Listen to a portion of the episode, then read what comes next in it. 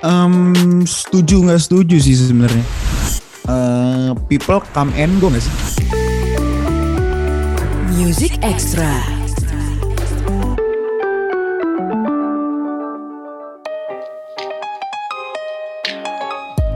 Halo good friends, Music Extra barengan sama gue Reno Aditya. Kali ini kita kedatangan Elvan Saragi. Wah, kalau ngomongin soal penyanyi ini, mungkin lo lebih tahu dari gue sih, karena gue baru mau kenalan saat ini. Apa kabar, Van?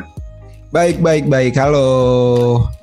Uh, FYI, Evan baru aja merilis, Evan baru aja merilis Yes. sebuah single baru, enak banget. Pantes setelah selain emang lo membawakannya dengan enak, yang bikin juga duo keren, Candy dan juga Asa. Yes, Mas Andi, Mas Asa. Gimana, Van? Karya terbaru buat seorang Elvan, maksudnya gini, saat orang lain menilai satu sebuah karya kan, mereka punya pendapat masing-masing. Tapi gimana dengan lo sendiri? Sebagai orang yang membawakan karya ini, single terbaru, single perdana, kau ulangi lagi, buat seorang Elvan itu apa sih artinya? Um, buat gue sendiri sih single perdana ini yang uh, apa namanya, yang emang benar-benar solo si, uh, single solo gue pertama. Um, menurut gue lagu ini uh, catchy banget ya. Uh, jadi gampang untuk didengerin gitu loh. Jadi emang Iya. uh, sekali dua kali dengerin pasti nyantol aja di kepala gitu. Jadi emang tujuannya itu sih supaya teman-teman uh, pendengar dan Elvanian juga uh, bisa nikmatin lagu ini dengan apa ya dengan mudah mungkin ya kita ngomongnya biar gampang gitu masuk kuping dan biar bisa lebih cepet aja gitu ditangkepnya. Jadi uh, hopefully ya lebih banyak lagi yang dengerin. Jadi apa namanya progresnya lebih cepet banyak yang dengerin gitu sih. Oke. jadi aimnya sih itu. Seperti itulah kira-kira. Ya, gue sependapat sama lo, karena lagunya emang sangat sangat catchy, catchy ya? sangat sangat catchy, menyenangkan didengar. Kemudian eh, lo nggak, lo good friends nggak perlu ribet mikirin seperti apa sih lagunya, lo cukup menikmati aja. Dan pertanyaan lainnya adalah kenapa harus nunggu dua tahun dulu untuk merilis single ini sih? Kurang lebih dua Eh, tahun ya, setelah menang Rising Star ya. Iya iya, Heeh. ya sekitar 2 tahun lah ya, 2019 ke 2021. Em, karena sebelumnya eh, judulnya kan jangan kau lepas itu eh, single pertama itu baru banget keluar dari eh, baru banget setelah Rising Star dan eh, sebelum kau ulangi lagi ini tuh ada single duet bareng Maria Oh, Eka. Iya Nah, iya iya. Itu ceritanya. Jadi that's why uh, baru rilis uh, setelah 2 tahun itu uh, apa namanya? lagu solo yang benar-benar ciptaan uh, pure gitu ya, lagu baru yang pertama gua bawain ya karena itu sih karena emang apa namanya selama perjalanan gitu setelah Rising udah ngeluarin dua lagu sih. Jadi gitu Nah. kira-kira. Jadi sebenarnya kenapa ini disebut single perdana Good Friends karena ini adalah single pertama yang bukan recycle, yang bukan duet ataupun kolaborasi, yang benar-benar dibawain, dibuat untuk seorang Elvan. That's Itulah right. esensi dari single perdana ini. So Yoi. buat buat ukuran single perdana, gimana menurut lo single perdana lo sendiri? Memuaskan gak sih? Um, buat gue, gue cukup puas ya dengan Ah. apa namanya lirik dari liriknya, terus habis itu dari um, apa namanya aransemennya, musiknya juga gue suka sih. Se- Hmm. uh, karena ya balik lagi lagu ini catchy banget, jadi gampang didengar dan um, menurut gue sih asik. Jadi ibaratnya arti dari lagu ini tuh adalah kayak eh, sebenarnya ini tuh lagu tentang patah hati ya karena kan eh, kayak sesuatu kayak either the cowok atau eh, the girlfriend gitu atau the boyfriend Hmm. itu ngelakuin kesahan yang itu itu lagi diulang terus sampai pada akhirnya salah satu dari mereka tuh jenuh gitu dan ya udah akhirnya cabut aja lah gitu Tapi uniknya, gitu jadi eh, uniknya adalah ini lagu dibawain enggak enggak enggak melo gitu gak sedih ya kan? Gak melo. enggak sedih jadi kayak ya udahlah just let it go kayak gue capek banget nih kayak udah cabut deh sih Gue udah capek, tapi gue malah sedih. Gue udah capek sedih-sedihan. Jadi jadi inilah Iya, yang udah. Friends. udahlah ini udah akhirnya banget lah gitu Oh, tapi gini, karena kan eh, lagu Patah Hati itu identik sama lagu yang mellow, yang Hmm. slow gitu ya. Padahal ya emang sih namanya manusia, termasuk cowok, ketika mereka patah hati pasti mereka ada mellownya. Eh buat lu sendiri. Pasti dong. Uh, patah hati buat seorang Elvan itu ya gue yakin 20 tahun lebih lo hidup lo pernah pasti pernah ngerasain patah hati. Ya kan? Pasti dong. Nah uh, lagu ini sendiri jujur aja relate hmm. gak sih apa ketika lo patah hati? Pengalaman patah hati lo dulu?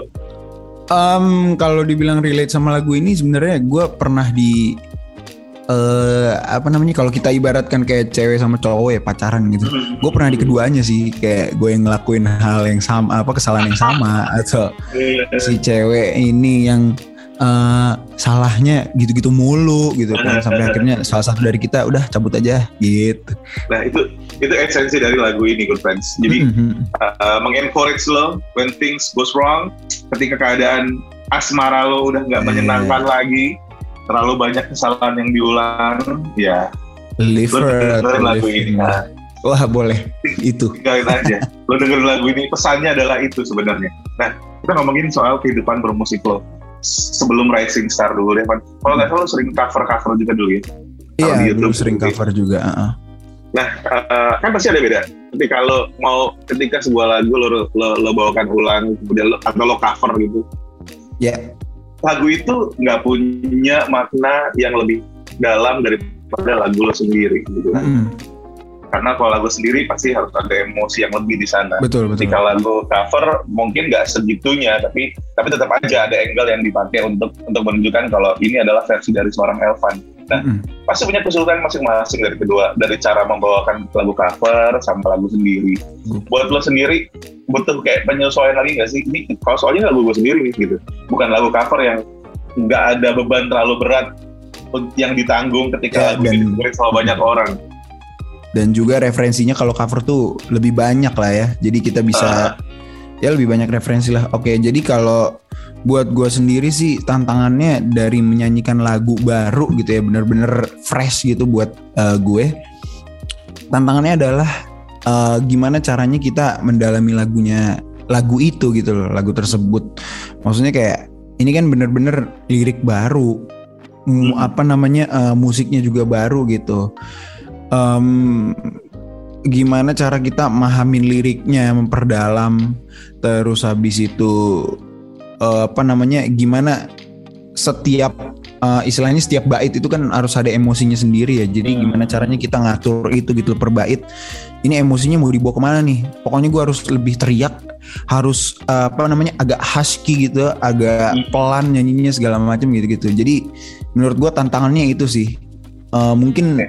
teman-teman penyanyi lain bakal ngerasain hal yang sama gitu karena memang uh, namanya lagu original kan gitu ya uh, yang pertama kali gue nyanyiin pastinya itu gue gitu loh ibaratnya hmm. itu gue yang nge-create itu semua gitu loh. Kira-kira gitu sih tantangan merepresentasikan musiknya seorang Elvan. Yes. Tapi lo belajar belajar nyanyi dari mana? Apa karena uh, di gereja mungkin? Atau uh, ya keluarga gue jago nyanyi? Oh enggak sih gue. Um, Dulu waktu kecil tuh emang Emang gue dari gereja sih Dari umur hmm. 10 tahun kelas 3 SD tuh baru gue inget banget. Ya pokoknya itu deh. Uh, 10 tahun kelas 3 SD habis itu ikut lomba-lomba gitu kan lomba-lomba lagu pop lah dulu kan waktu SD habis itu ya sebelum rising sih lomba-lomba aja sih. Oke. Okay. gitu sih gue gua uh, apa namanya mengasah itu lewat lomba sih. Jadi belajarnya ya dari dari apa yang lo lakukan sebelumnya mm-hmm. lo review lagi kenapa di lomba ini lo mungkin gak menang kenapa di lomba ini kok jadi menang? Iya iya belajarnya mengasah. Uh, tapi berarti uh, kan dari SD lo pernah lo sudah mulai meniti karir tanpa sadar ikut lomba ini itu emang hmm. pengen jadi penyanyi dong dari dulu? Aduh berat nih pertanyaan ini. Jadi uh, dulu tuh sebenarnya uh, nyanyi itu bukan one of my main thing gitu loh tadinya. Uh, uh gue pengen kayak jadi biasalah keluarga Batak kan. Iya, pengen pengacara pengacara. Ah itu tahu. Ah itu tahu. gue pengacara semua. Iya, semua tuh bahasa gue pengacara. Pokoknya nanti ambil hukum pengacara. Nah gitu kan. Terus habis itu kayak dulu juga serius nggak serius gitu loh nyanyi. Tapi emang apa namanya keluarga juga orang tua gue juga dukung sih kayak uh, ikut nyanyi sini uh, nyanyi sini sini situ situ. Kalau ada pesta-pesta kan pasti suruh nyanyi Elvan nyanyi Ya, Elvan ya, gitu ya, kan ya, biasa. ya, ya. tapi gue dulu malu banget nggak mau juga gitu loh. Tapi ya apa namanya tapi pada akhirnya tuh eh even setelah rising juga kayak ya biarlah menyanyi ini jadi jembatan kamu gitu loh Oke, oke, bukan oke. bukan bukan bukan apa namanya bukan bukan ini eh, utamanya gitu loh Paham. tapi ya pada akhirnya setelah apa namanya eh, semester akhir ini gitu, maksudnya kayak eh, di umur umur sekarang kan akhirnya kita harus milih ya jalan mana yang mau kita ambil gitu jadi kayak aduh kalau gua apa namanya maksudnya kita nggak bisa fokus ke banyak hal gitu harus ada Mhm. satu yang gue pilih nih tapi apa namanya kalau jadi pengacara harus sambil kuliah lagi gue sekarang kuliah komunikasi jadi kayak nggak komunikasi jauh sama sih. hukum kan ya sebenarnya Ah, nggak jauh jauh. tapi kayak bahasannya beda banget Ah, dong ya nggak ah, Terus habis itu kayak eh udahlah. Aduh, kalau misalkan gua ambil hukum lagi, sekolah lagi, lama lagi apa segala macem. Dan sekarang eh maksudnya gue bernyanyi itu udah ibaratnya udah di tengah jalan gitu loh kayak masa gue tinggalin sih sayang banget that's why gue akhirnya memfokuskan aja lah karena emang gue ngerasa kayak emang passion gue di situ gitu. Oke, emang bernyanyi gitu akhirnya baru ibaratnya runtutan kejadian dari kecil yang menyadarkan Ah, ah. memang kayaknya gua gua emang Iya. pengen jadi penyanyi. Ah, Tapi kalau misalnya lo hukum siapa tahu, ya ibaratnya Hotman Paris aja bukan penyanyi dia bisa tajir banget, apalagi penyanyi dan pengacara gak sih? Bener bener bener bener mungkin ya tapi ya we'll see lah Eh, tapi segini, sebagai penyanyi yang gua gua bisa bilang ya kita bilang seperti ini, sebagai penyanyi yang lahir di masa pandemi Pak. oke Iya. Uh-huh. Lo merilis karya perdana, perdana lo eh, dan dua lagu sebelumnya juga udah deket-deket pandemi dan di masa pandemi. betul Kalau- betul betul bisa dibilang lo belum menikmati atau menjalani kehidupan seba- secara musisi secara utuh Mm-mm. Ya kan? Karena musisi kan gak cuma bikin lagu terus dengerin ke orang tapi juga manggung off air betul betul betul. fans. Eh, bagaimana dia menumpahkan isi kepalanya di atas panggung gitu. Betul betul. Itu itu satu hal yang gue kangenin banget sih. Maksudnya kayak off air kayak nyanyi bareng temen-temen eh nyanyi bareng audiens dan kayak aransemen lah segala macem tuh aduh kangen banget sih. Tapi ya eh, semoga apa namanya semoga cepet kelar juga sih pandemi ini karena yang gue lihat tuh sekarang udah mulai ada panggung-panggung gitu nggak sih? Betul betul betul betul. Yoi. lo ngobatin kangen manggung itu gimana selama ini? Ngobatin kangen manggung gimana ya? Paling misalkan eh, ada temen gue yang main di bar di Jakarta ini gitu ya oke ya gue jamming jamming aja di situ. Ah jadi gitu. bareng mereka. Ah, betul betul. Atau ya apa lagi ya? Em ya cover cover sih. Tapi Masih? ya masih masih masih. Walaupun gak sebanyak dulu ya. Hmm. tapi eh, apa namanya eh, kalau buat ngobatin rasa kangen manggung sih paling gitu ya. Kayak visit ke temen-temen yang emang mereka manggung gitu di satu bar di mana gitu gitu sih Music Extra. sekarang kan ada eh, semenjak pandemi ada yang namanya virtual concert konser Yes. virtual segala macam lo pernah ngelakuin gak sih? kalau buat eh, gue sendiri maksudnya kayak Elvan Saragi virtual concert gue belum pernah tapi kalau misalkan ngisi acara virtual concert pernah tapi tetep rasanya kayak aneh banget lu mau ngajak nyanyi Eh, iya lu mau ngajak nyanyi kamera jadi jadi tetap ya nggak manggung ditonton sama manusia beneran itu nggak tergantikan ya. parah pasti dong parah Pan, kita bisa bagi dua berarti ya. Kehidupan Hmm. bermusik itu ada dua, di dua fase. Fase sebelum menjadi penyanyi profesional dan Yes. jadi setelah menjadi penyanyi profesional. Let's say Hmm. kita ambil fase kedua itu setelah lo, lo menang di Rising Star 2019. Apa Yes. sih sebagai seorang walaupun mungkin lo bisa bilang sama-sama musisi, sama-sama penyanyi lah pada saat itu di dua Hmm. fase itu. Yang paling ngebedain dari kedua fase itu apa sih saat ini? Yang akhirnya lo realize gitu. Ternyata begini ya rasanya jadi penyanyi. Jadi penyanyi dalam artian bukan tanda kutip lagi gitu. Iya iya iya. Eh, kalau dulu mungkin kita bisa nyanyi suka-suka kita ya. Kalau Hmm. sebelum jadi ya kita bilang nyanyi ini profesional sebelum kita ambil nyanyi ini sebagai profesional profesi kita gitu kayak uh, apa namanya? Aku nggak suka lagunya udah nggak usah dibawain. Gue nggak suka lagunya nggak usah dibawain lah. Ini ini segala macem. Paling kayak misalkan disuruh kulik lima lagu udah satu aja. Capek gitu kan males. Tapi kalau sekarang ya misalkan acaranya minta lagu yang ini ini ini ini atau misalkan nanti minta ada request disuruh gini-gini segala macem ya kita harus profesional kita harus apa namanya? Ya pelajarin gitu sih jadi ya emang profesional. Berbedanya itu tadi ketika lo belum jadi penyanyi profesional ya bisa sedikit semaunya. Iya, gue nyanyi dengan betul, betul. semau mau gue betul gitu. betul. Tapi saat ini ya tadi ada tuntutannya ada ada tuntutannya ada pakem yang harus diikuti. Betul betul tapi di dua fase tadi sampai sekarang siapa sih kritikus terbesar dalam hidup lo? Orang yang selalu ngasih masukan entah itu masukan yang menyenangkan atau yang kok gini kok lagu lo gitu kayak keluarga kah atau Ah, oke. Well, eh, apa namanya? apa apa bahasanya eh, selama waktu berjalan lah pokoknya dari dulu sampai sekarang kan pastinya gua nggak ketemu orang yang itu itu aja kan. Iya. Eh, pasti ketemu banyak orang baru dan eh, people come and go gak sih? Maksudnya kayak Mhm. orang datang dan pergi. Jadi mungkin dulu yang suka ngasih gua masukan gitu waktu gua kecil ya, let's say eh misalkan orang-orang di komunitas gua gitu kayak lu harusnya kayak gini Van. Kau harusnya kayak gini gini gini ini iya iya iya iya.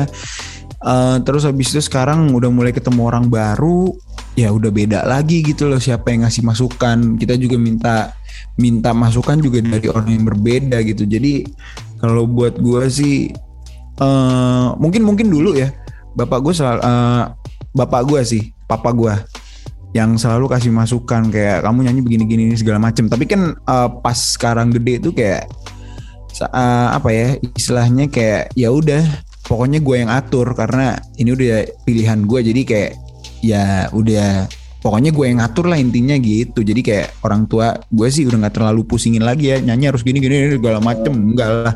Kan udah gede ya kan gitu. Udah, udah percaya nggak mungkin. Kalau nggak Udah menang percaya lomba. lah. eh tapi gini Van Iya, gue iya, gue gue selalu pengen nanya ini tapi gue selalu lupa. Mumpung gue ingat. Apa tuh?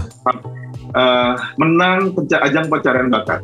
Itu Hmm. kan ada ada pro ada kontra. Tapi gue memandang dari sisi positif. Nggak semua orang dapat bisa ada di posisi itu. Mendapatkan kesempatan atau rezeki lah dalam tanda kutip untuk bisa jadi Iya, iya. juara. Sebenarnya Hmm. buat lo sendiri buat seorang Elvan sendiri apa sih pengaruhnya buat karir lo? Pengaruhnya buat karir gue pastinya apa tuh? Sorry. Karena kan gini eh, kalau juara lo pernah ikut dua pernah pernah menang eh, pernah audisi juga buat idol ya kan Yes, double besar kemudian rising star. Gua yakin ketika lo ikutan ikutan ajang pencarian bakat itu bukan hadiah uangnya yang lo cari atau hadiah materinya tapi kayak jembatan ini ini adalah batu loncatan atau eh, hal yang bisa membuat karir lo bisa lebih accelerate bisa lebih yes percepatannya lebih Hmm. dibandingkan lo harus memulai dari nol banget. Lo setuju gak sih dengan itu? Karena buat gue tadi orang-orang yang penyanyi-penyanyi yang di berawal juara dari ajang pencarian bakat, mereka lebih lebih nggak lebih gampang ya, tapi mungkin lebih punya privilege untuk eh, berada di level yang lebih tinggi Iya, dibandingkan dengan penyanyi yang hadir barengan tapi nggak melalui jalur itu gitu. Betul betul. Eh, gua sih em, setuju nggak setuju sih sebenarnya. Kalau dibilang lebih mudah enggak dong. Ya. Karena pasti eh, misalkan lo keluar dari ajang pencarian bakat itu pressure lo juga pasti lebih lebih berat lagi gitu loh. Daripada lo misalnya nyanyi dari nol kayak eh, apa namanya ya mulai jadi penyanyi penyanyi dari nol lah kafe dan segala macemnya gitu kan. Mungkin eh, apa namanya bakal lebih lama gitu. Eh let's say bisa di posisi yang eh mereka yang ikut ajang pencarian bakat gitu. Iya. tapi kayak bener sih punya privilege karena lo pasti bakal eh, dikenalin sama orang-orang yang memang udah megang industri musik di Indonesia ini gitu loh jadi privilege-nya sih itu Eh, tapi kalau masalah bilang apa namanya ngomongin kualitas Hmm. kali ya kualitas bisa menyamai segala macem balik lagi tergantung apa namanya jam terbang sih. Oke. Let's say eh, lo apa namanya keluar dari pencarian bakat tapi lo sebenarnya belum punya jam terbang sama sekali gitu. Eh, menurut gue sih hmm, tidak apa ya nggak apa namanya mungkin aja gitu mungkin aja lo eh, kualitas yang mereka yang kayak step up pelan-pelan gitu yang dari 0 sampai eh, let's say 50 lah sedangkan lo udah di 70 80 gitu itu mungkin aja yang 50 itu lebih lebih bagus gitu. Jadi kayak tetap harus ya jam terbang sih. Kalau kalau sepengalaman gue ya jam terbang ya mau gimana pun ya. Ini kan gini, lu cowok, Mm-mm. orang Batak, orang Sumatera kan gitu, keras, keras punya pendirian yang kencang. Gue juga orang Sumatera. Tapi kita di ujung ujung gue di Lampung, lu di Medan. Oh Lampung, oke. Kita tuh punya kalau harga diri, punya punya punya sesuatu yang pengen dibuktikan ketika kita berada di satu tempat. Ya kan, Ber- ketika lo berada di posisi sekarang nih, sebenarnya apa sih yang pengen lo buktikan ke orang-orang? Bukan cuman sekedar gue bisa nyanyi, gue pernah gue pernah juara, gue bisa berkarya itu itu semua semua orang pasti punya pemikiran yang sama. Tapi buat lo Hmm. pribadi gitu, apa sih yang pengen lo buktiin ketika lo sudah berada di industri musik ini? Em, gua sih ingin ngebuktiin kalau apa ya eh, banyak juga yang bilang kayak nyanyi nggak mungkin bisa makan gitu nggak sih? Ih, salah banget. Iya. Kayak gitu tuh. Maksud gua kayak ya ibaratnya let's say lah kita eh lo me- mulai kerja aja misalkan lo magang gitu ya nggak sebesar misalkan lo udah punya nama sedikit paling lo dibayar nama. transport aja digaji transport aja kalau Nah, magang itu. ya. Oke lah, let's say transport udah lewat ya, tapi kayak eh, misalkan UMR gitu, UMR Jakarta lah ya. Ya paling starting apa namanya gaji kan segitu ya, Hmm. maksudnya kayak ya gitu deh. Jadi kalau emang kalau serius di musik ini pasti dapat lebih gitu dan menurut gue itu udah bisa hidup gitu loh. Eh, eh, jadi terus habis itu kalau untuk membuktikan ya mm, sebenarnya gue nggak apa ya goal gue belum maksudnya gue ngikutin sejalannya aja sih tapi yang gue pengen banget adalah eh, setelah gue masuk di industri musik ini gue pengen ada satu karya gue nggak nggak tahu lah satu atau dua atau berapa. Pokoknya satu aja satu. Yang bener-bener kayak long lasting gitu loh di hati orang-orang. Kalau lagu zaman dulu tuh Good Friends eh, sebutannya evergreen. Lo pasti bokap lu pasti punya album evergreen lagu-lagu zaman dulu yang terkenal banget pasti pasti pasti. Jadi, jadi paling ada karya lo yang akan akan akan jadi legacy lo paling nggak ya. Ya, orang akan tahu se- setelah puluhan tahun ke depan ada seorang penyanyi yang lagunya ini namanya Elvan. Yes itu aja sih. Tapi tapi gini eh, kan orang nggak tahu proses. Kadang-kadang fans lo nggak tahu proses lo gimana struggling lo gimana. Yang mereka tahu tadi kan eh, Kyle Van eh, menang ju- eh, menang ajang pencarian bakat sekarang bikin lagu. Mereka nggak tahu prosesnya seperti apa. Nah yang pengen gue kasih tahu eh, yang pengen gue lo kasih lo tahu ke orang-orang dari gue seserius apa sih lo sekarang di industri musik ini? Em, kalau dibilang seserius apa, gue juga eh balik lagi sih kayak eh, ikutin alurnya aja. Maksudnya gue tetap pasti bakal ya let's nulis lagu, nabung lagu gitu kan. Em, dan bakal ada rilisan lah pastinya setiap tahunnya gitu. Dan kalau dibilang seserius apa sih? eh, nggak tahu ya gue nggak bisa ngukur diri gue sendiri sih seriusnya kayak gimana. Tapi kayak eh, pokoknya intinya pasti gue terus akan terus eh, apa namanya berkarya sih. Mau mau gimana pun caranya lah. Oke, yang jelas mudah-mudahan dengan begitu akan ada kayak semacam apa yang Evan bilang tadi akan ada karya-karya yang nggak cuman hadir di masanya aja tapi Iya. juga akan terus diingat di generasi-generasi Betul, selanjutnya dan itu perjalanan panjang mengingat eh, Evan bilang 2021 ini adalah titik awal dia sebagai penyanyi single perdana di Agustus 2021 berarti masih akan banyak karya-karya lain yang akan hadir Yes. jadi ini apa sih rencana lo? Eh, rencana gue pastinya di kita bilang tahun depan kali ya. Eh, Hmm. Karena ini kan udah mau akhir tahun kan. Di akhir depan, tahun ya. ya hopefully ada satu dua single lah bakal eh, rilis lagi gitu. buat lu sendiri di tengah sistem sistem ya kita bilang ya sistem industri musik yang seperti sekarang kan kayak lo bisa terkenal dengan satu dua lagu lo masih ngerasa perlu gak sih punya album full yang isinya 10 lagu Oke. sampai 12 lagu Pastinya dong. Eh, karena eh, mau gimana pun let's say kita keluarin tiga single gitu. Habis itu eh, berapa bulan kemudian kita keluarin album karena menurut gua album tuh eh, kayak keseluruhan konsep gitu loh dari apa namanya? Em, pokoknya itu kan pasti ada temanya gitu. Eh, Itu udah Ah, ah. keseluruhan konsep. Jadi menurut gua sih pasti seru sih punya album juga karena kan eh, apa namanya itu ada 10 lagu atau let's say EP lah 5 lagu gitu dengan tema yang sama gitu. Jadi kayak menurut gua itu penting sih dan kayaknya seru sih. Lo selain jadi wadah dari karya lo mudah-mudahan itu juga jadi jadi apa ya sesuatu yang bisa fans lo klaim kalau ini Iya, iya. album salah satu album favorit dari penyanyi gue seperti itu sih betul betul betul betul. Well, itu tadi sekali lagi perjalanannya masih panjang banget lu friends. Lu bisa mulai dengan nikmatin single perdananya Elvan Saragi yang udah dirilis di berbagai digital music platform.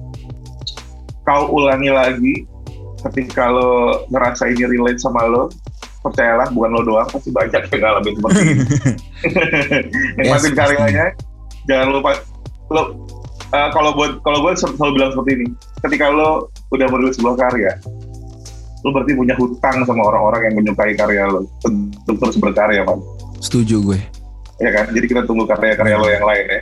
Amin siap Terima kasih banyak udah mampir ke Music Extra hari ini. Thank Saragi itu dia teman baru kita, good friends. Elvan Saragi di Music Extra. Music Extra.